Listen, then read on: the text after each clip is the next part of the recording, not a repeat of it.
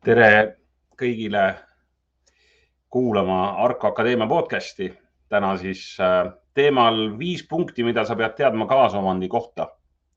see sagedane kaasomandi segadus, äh, võib-olla, mis on tekkinud pärandvarast, aga võib-olla lihtsalt tüli tõttu või, või üldse äh, arusaamatuste tõttu vajab arvatavasti seletamist ja sellest me täna ka räägime. ehk on kuumim lugu ka sellel teemal kevadel kajastunud Kuurija saade Viljandist, kus noored jäid oma kodust ilma, mis selle taga siis oli, aga minuga on täna Pirje Kalms, LMP vandeadvokaadibüroo advokaat.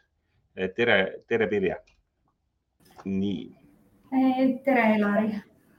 hea, nüüd oled sa pildis ka äh,. Äh, räägime täna lihtsalt ja selgelt, nii lihtsalt ja selgelt kui võimalik, et enamus meie kuulajaid ei ole ei advokaadid ega juristid vaid äh, lihtsad inimesed, kes tahavad aru saada, et äh, mis asi see kaasomand on ja, ja kui see tekkinud on, et kuidas sellega siis hakkama saada, et maksimaalselt poole tunni jooksul proovime siis anda teile sellise lihtsa ülevaate viiest punktist, mida te peate kaasomandi kohta teadma. Ja ma kujutan ette, et kõige esimeseks on tavaliselt äh, selle asja selgeks tegemine, et mis asi see on, mis asi on kaasomand ja, ja võrreldes siis korteriomandiga, mis nende vahe on?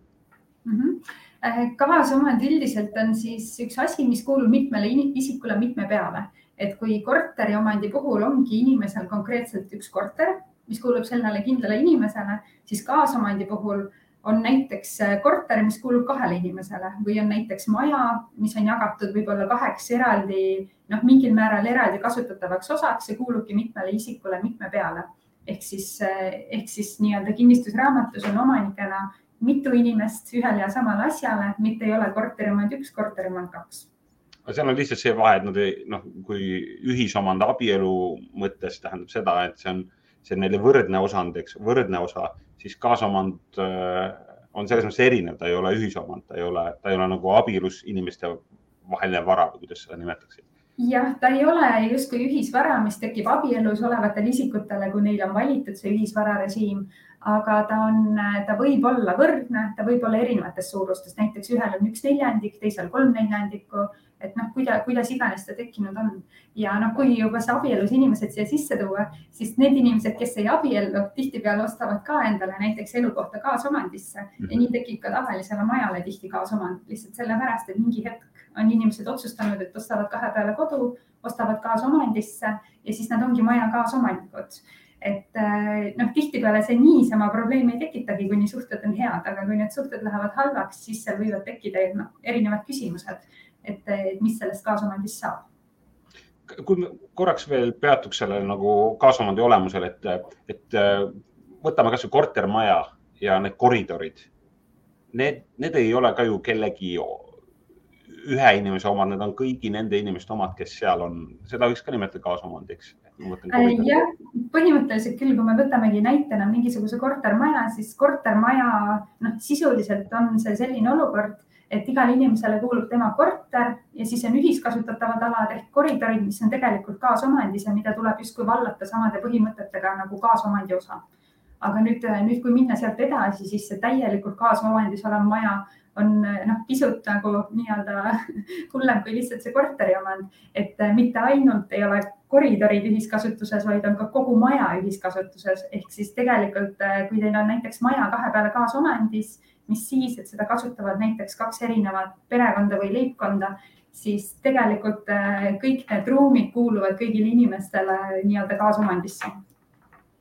kui kuulajatel on vahepeal kohe küsimusi tekib, et siis trükkige trükkige kommentaaridesse, et äh, me räägime täna kaasomandist ja minuga on täna Pirje Kalms, LMP vandeadvokaat. nii et äh, okei okay,, ühelt poolt me siis proovisime praegu selgeks teha, mis see kaasomand on. Mis see järgmine punkt oleks, mida oleks oluline äh, kaasomandi puhul välja tuua? võib-olla ongi nüüd see punkt, et, et kui, kui on inimestel kaasomandis asi, siis kuidas selle kasutamine käib ja mida selle kasutamisel siis silmas pidada et äh, kõige tähtsam võib-olla olekski see, et äh, noh, kui me võtame siin lihtsalt need nii-öelda koos elavad isikud, kes on tegelikult üks perekond, aga ei ole abielus ja on asi kaasomandis, ilmselt seal ei teki probleeme, kuidas ja kes mida kasutab. kui me nüüd võtame mingisuguse maja, kus noh,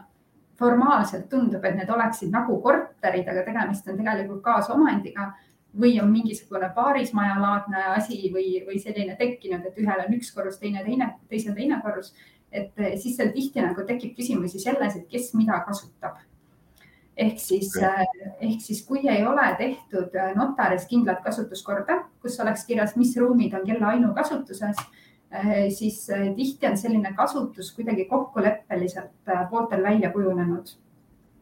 Aga nüüd selle kokkuleppelise väljakujunemisega ongi natuke selline mure, et äh, kui seal näiteks omanik vahetub või äh, kui tulevad näiteks pärijad või see osa müüakse maha, siis noh, seal võivad hakata tekkima sellised küsimused, et kui mõlemale näiteks üks kahendik ehk siis pool kaasomandist äh, ja võib-olla need pindalad ei ole väga võrdselt jaotunud, et noh, siis sul tulevad sellised väiksed probleemid, et kes ikka seda garaaži kasutab ja kes ikka keldrit kasutab ja kellel on õigus pööningule minna ja miks su puu, puuriit on siin keset aleda, onju et, et selles mõttes jah, kui sellist head kokkulepet ei ole kasutamiseks, siis tuleks minna notarisse, panna asjad paika, kes mida kasutab, mis ruumid on kelle kasutuses, kes kuidas aeda kasutab näiteks. mul just selle koha pealt tuligi praegu meelde üks kliendi eh, case, kus klient äh, ostis omale äh, väikeses puumajas väikelinnas ülemise korruse ja reaalosana ehk siis korteriomandina aga ta ei teadnud seda, et see, esiteks ta ei teadnud, et hoovist siis on ka, ta saab seda hoovi hakata kasutama, et see on kaasomandis. siis loomulikult, kui ta alumise naabri juurde läks ja mis siis, et kuulutuses oli kirjas, et sõbralikud naabrid, osutus kahjuks hoopis inimeseks, kes ütles, et seda aeda sina ei puutu, et see on ainult minu aed.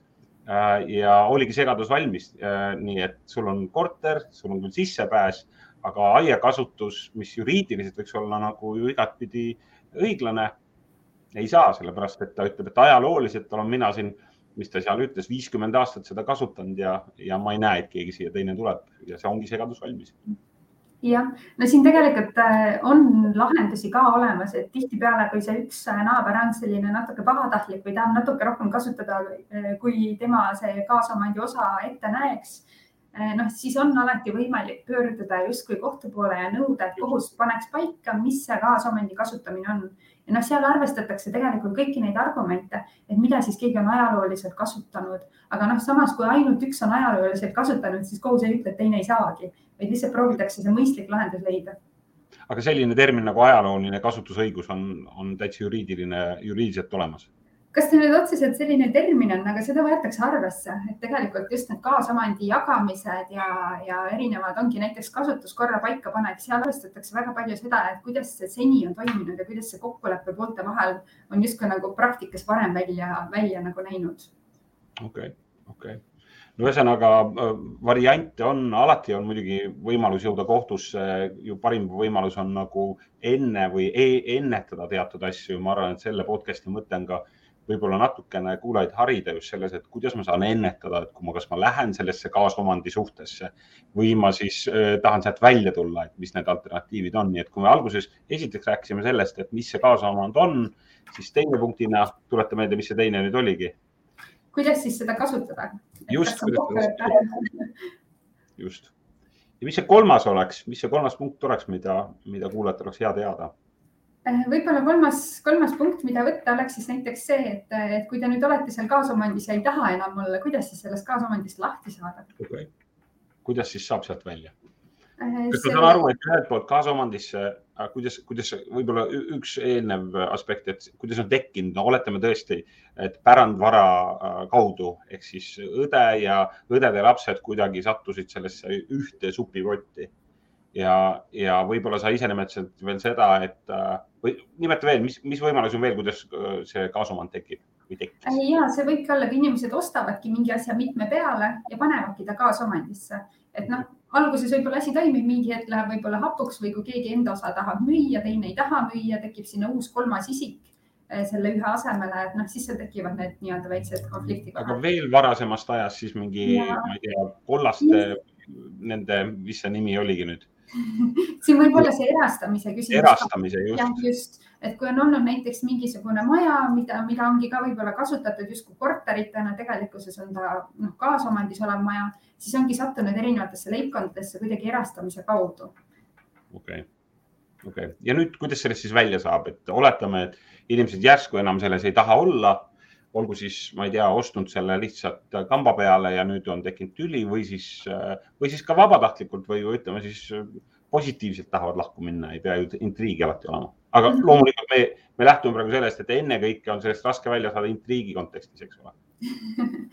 jah, niivõrd-kuivõrd, et alati kokkuleppe mõttes on kergem asju lahendada ja välja saada, kui, kui siis intriigi mõttes. aga sisuliselt küll, kui inimene ei taha enam olla selles kaasomandis või tahab selle kaasomandi lõpetada, siis noh, seaduse järgi tegelikult põhjust kaasomandi lõpetamiseks olema ei pea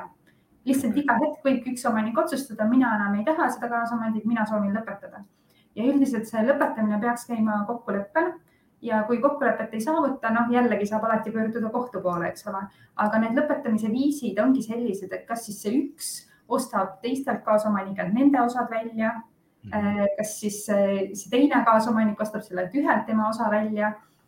kas pannakse kogu see asi müüki mõlemad saavad siis enda osa suurusele vastava raha ehk siis jagatakse raha nagu pooleks või noh, vastavalt osade suurusele, eks ole. Äh, või siis pannakse näiteks kaasomanike vahelisele enampakkumisele, et kui mõlemad otsustavad, et nemad tahavad omale, ei suudeta otsustada, kumb peaks saama, siis äh, vaadatakse, kumb rohkem pakub okay. kogu selle nii-öelda tervikut oletame nüüd üks, üks kaasomanikest lihtsalt, nad, nad ei jõua kokkuleppele ja ta leiab hoopis kolmanda osapoole kellegi mujalt ja müüb talle selle ära. Mis, mis esiteks, kas see on võimalik ja teiseks, mis on siis äh, see, mis tal, mis sellele järgneb? ja ikka on võimalik, selles mõttes kaasomandiga ei ole mingisugust sellist kohustust, et sa kindlasti pead esimesena müüma ta teisele kaasomanikule. sa võid täiesti vabalt võõrandada seda täiesti suvalisele inimesele, mitte mingeid piiranguid siin selles võõrandamise mõttes ei ole äh, väga suur aga on vastueesõigus ja see tekibki siin on selles mõttes hästi palju eksiarvamust, inimesed arvavad, et nad ei saa kellelegi teisele müüa ja peavad esimesena pakkuma kaasomanikule. tegelikult sa võid kohe võõrale müüa, lihtsalt see on selline nii-öelda hea tava või inimeste vaheline hea suhtlus, et sa annad naabrile teada, et ma hakkan müüma. et eh, noh, tegelikult on nii, et kui sa leiad ostja, sa võid selle ostjaga teha tehingu ära, aga sa pead teatama oma kaasomanikule, et sa tegid sellise tehingu sa pead teatama kõik tähtsad tingimused ehk siis, mis hinnaga sa müüsid, mis seal veel oli omavahel kokku lepitud ja alates sellest äh, lepingust ja lepingu tähtsatest tingimustest teada saamisest kahe kuu jooksul on siis teisel kaasomanikul ostueesõigus. okei okay,, ja ma saan aru, et see tuleks viivitamatult teha, mitte niimoodi, et ootad nädala-kaks ja siis teatad, et tegelikult see, see, ma ei tea, kuidas seadus seda nimetab, aga seda tuleb üsna kohe teha, nii kui, nii kui sa selle müügi ära tegid Eh, no see on selles mõttes nii müüja kui ostja huvides seda teha võimalikult kiiresti ja noh, alati on mõistlik panna seesama ostu-müügileping kaasa, sest siis ei teki küsimust, et kas sa siis kõigist tähtsatest tingimustest ikka teatasid. et eh, noh, seadus näebki ette selle, et sellest teatamise hetkest alates kaks kuud on ostueesõigus. ehk siis noh, kui siin praktikas on näiteks selline olukord, et inimene on jätnud neist tähtsatest tingimustest teatamata, siis, eh, siis inimene võib tulla, see kaasomanik, kes sinna elama jäi võib tulla ka näiteks pool aastat hiljem või aasta hiljem ütlema, et äh, aga ma ei teadnud, et sa selle ära müüsid, ma ei teadnud, mis hinnaga sa müüsid. ja, ja noh, siis ongi võimalik, et ta võib tulla ka aasta aega hiljem öelda, ma nüüd teostan äh, ostueesõigust, sest et ma enne ei teadnud, mis hinnaga sa selle müüsid.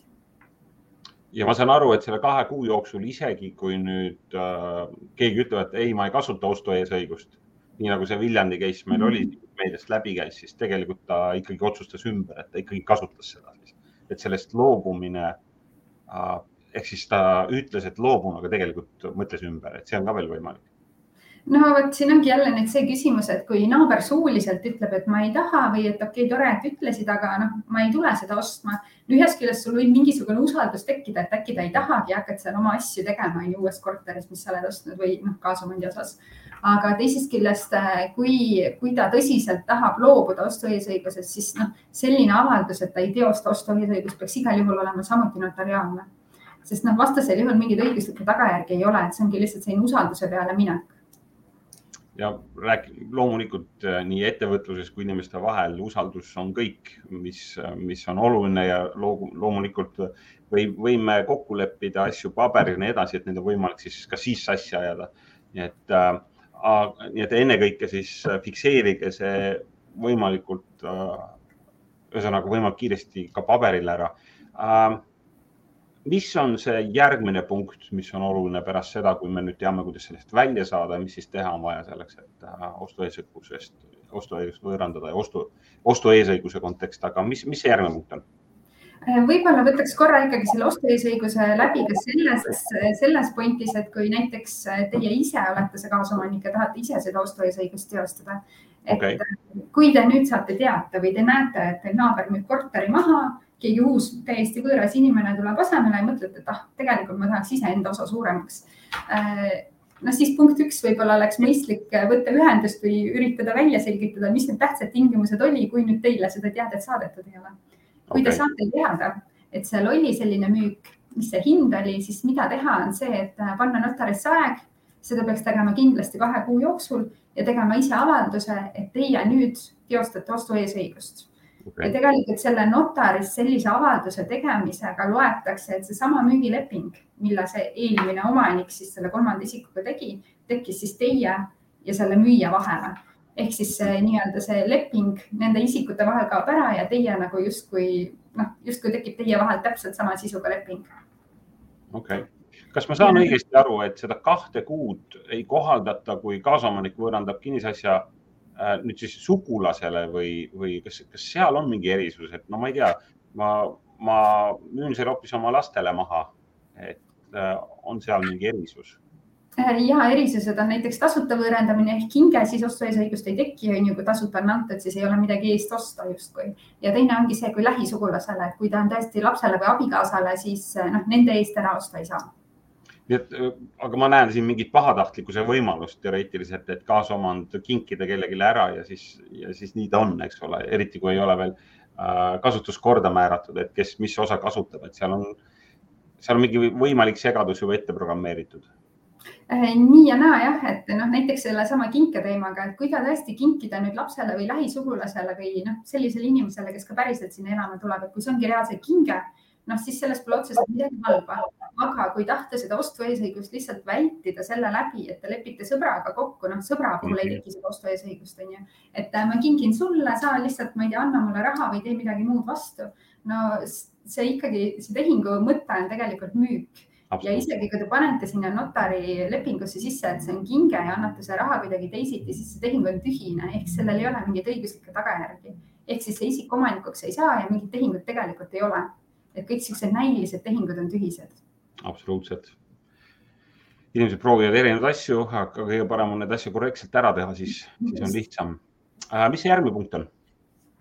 Äh, võib-olla siis võtaks läbi ka selle, et, et kui see asi nüüd on teil kaasomandis siis ja. kuidas neid kulutusi jaotada, sest noh, korterite puhul on asi justkui lihtne, korteriühistu saadab arved, seal on igaühe enda kulud, eks ole, mis ta kasutab ja lisaks siis võib-olla mingi remondifond või mingisugune nii-öelda kogum, kus siis kantakse neid ühiseid kulusid, et kui on, ma ei tea, akende vahetused, katusevahetused, aga noh, kaasomandil üldiselt sellist asja ei ole et siis tekibki küsimus, et, et kui kaasomanikel on siin erinevad nägemused, et mida oleks vaja teha ja kuidas teha, et, et kuidas siis neid asju korraldada et no ideaalis jällegi võiks siin toimida see kaasomanike kokkulepe, et mõlemad saavad aru, et midagi on natukene pahasti või natuke vajab tegemist ja see asi tehakse ära. kui nüüd üks kaasomanik ei ole valmis neid asju tegema, siis tegelikult äh, on võimalik teha ka ainult ühel isikul need kulud ära ja nõuda siis need kulud ehk siis see vastav osa äh, sisse teiselt ehk oletame, et kui ta on viiskümmend, viiskümmend, äh, näiteks katus laseb läbi, on võimalik vahetada katuse ära ja nõuda pool katuseraha teiselt sisse okei okay., okei okay.. kas, äh, mis puudutab nüüd sellist pooltevahelist, see on, see puudutab nüüd seda konkreetseid kulutusi. üks mõte tekkis sinna vahele või küsimus, et kui nüüd äh, kaasomandi puhul äh, on võimalik ju sotid selgeks teha ka kasutuskorra kokkuleppe alusel, eks ole, et sa võid ju kokku leppida, et, et ka võib-olla seda segadust vältida, siis kokku leppida, kes mida, mis osa kasutab. Ma ei tea, joonistatakse plaanide peale siis reaalosa või reaalselt, et mina kasutan seda kasti või seda kappi või seda ala, ütleme siis. Äh, ja, äh, ja sellesamas kasutuskorras tegelikult on väga mõistlik ja enamasti seda ka tehakse, et sinna pannakse need kulude jaotamise põhimõtted kirja. ehk siis, äh, kes milliseid kulusid kannab, kuidas seda, ma ei tea, maja kütmist näiteks maksta, kas on mingid eraldi mõõtjad vahel, kuidas seda vee tarbimist siis omavahel jagada ja noh, samamoodi pannakse kirja tihti ka see, et et näiteks, kes mis osa seintest vastutab, et kui keegi seal, ma ei tea, endal mingeid vahepealseid seinu vahetab, et kas siis teine peab osalema või mitte. okei okay,, okei okay.. ühesõnaga, see puudutas nüüd kasutuskorda ja see puudutas nüüd seda kulude jagamist. mis Just. on meil veel jäänud? tegelikult suures pildis oleme justkui kõik nagu ära võtnud, et noh, esiteks, mis see kaasomand siis on, kuidas ta tekib, mis on erisused korteriomandist, kuidas seda kasutada, kas on kasutuskord, noh, kasutuskorrast lühidalt võib-olla ütleks veel nii palju, et kui ei ole kokkulepet ja kui ei ole, kui on lihtsalt kokkulepe, aga ei ole notariaalset kokkulepet, siis müügi korral see uutele inimestele ei kehti, et selles mõttes, kui teil naabriga on head suhted, äh, kasutuskord toimib, mõlemad olete rahul, igal juhul tasub see notaris ära fikseerida ja tihti vist äh, see annab selles mõttes ka sellele kaasomandile väärtust juurde, et kui näiteks läheb müügiks äh, või, või tuleb mingisugust hindamist mingitel põhjustel teha, siis tihti seal vaadatakse, kas on kasutuskord olemas või mitte. et võib-olla Elari tead sellest rohkem rääkida, palju see mõjutab. ja kindlasti mõjutab et mida, mida selgem on see kinnisvara olemus ostu-müügi hetkel, äh, seda, seda äh, kõrgemat, ütleme siis seda lihtsam on see tehing ja suurem tõenäosusega ka väärtus on kergemini nagu saada kätte, mis siis, mis siis on kokku lepitud. et igasugu erisused, igasugu segadused, aga eks seal on vahest siis, seal on vahest siis taga ka sellised investori huvid, et mul tuleb meelde Tallinnas ühe kortermaja Äh, võimalik siis müügitehing, kus oli siis seitseteist kaasomanikku. Äh, rääkimata sellest, et kõik pidid korraga notarisse tulema, rääkimata sellest, et üks nendest oli äh,, ei olnud päris aru saada, kas ta on seniilne või ei ole. siis selleks läks veel notar koju, et aru saada, et kas tegemist on siis sellise ehk siis, kas ta on võimeline tehingut tegema, eks ole. ja, ja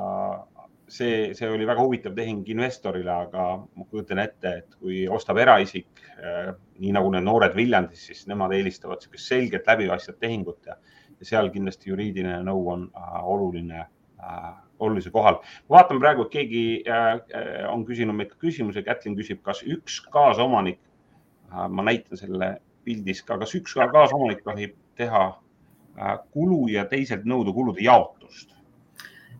jah, põhimõtteliselt võib küll, aga siin ongi nüüd küsimus selles, et mis kulu see on. Äh, kas ta on, kui ta on lihtsalt nagu selline igapäevane, ma ei tea, tarbimiskulu, näiteks a la mingi elekter, siis seda tuleks jaotada vastavalt siis sellele noh, tegelikule tarbimisele. kui see kulu nüüd ongi see katusevahetus näiteks, noh siis siin ongi küsimus selles, et ühele lihtsalt katus ei meeldi, aga teine tahab vahetada, siis seda kulu ta ilmselt ei saa. kui see katus reaalselt laseb läbi, ehk siis noh, see paneb selle asja säilimise küsimärgi alla, et kui katust ei vaheta, asi noh, nii-öelda kukub varsti kokku, eh, siis ta saab üldiselt nõuda.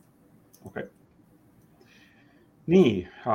üks küsimus vähemalt tuli, suurepärane, et äh, me oleme selle kahekümne kolme minutiga katnud ära sellised viis põhilist punkti, mis puudutab siis kaasomandit äh, ja Pirje, kuidas on kõige lihtsam, kui mõni kuulaja, vaataja praegu mõtleb, et on veel küsimusi, tahaks seda, seda täpsemalt arutada, et kas äh, võib siis sinu, sinu emailile saata küsimuse? ja pirje.lmp.ee on lühike versioon. Nii, panin selle ka siia pilti, et näete siis äh, seda, seda chatis ka. aga suur tänu, Pirje, sulle Äh, kiire, lihtne ülevaade. Äh, ma tean, et olukorrad on sageli keerulisemad ja vajavad rohkem süvenemist, aga see oli niisugune põhiline ülevaade. võib-olla ennekõike siis ennetamiseks või kui siis on tekkinud, noh siis, siis otsida juba ka juriidilist abi. nii et suur aitäh, Pirje ja ilusat päeva jätku sulle. jah, aitäh aga see oli siis Arko Akadeemia podcast, rääkisime täna kaasomandist Äh, suur tänu kuulamast, järgmine neljapäev on juba järgmine podcast, nii et jälgige meie live videosid siin äh, Facebookis, äh, iTunesis, Spotify's ja siis loomulikult ka Youtube'is, nii et ilusat päeva jätku teile kõigile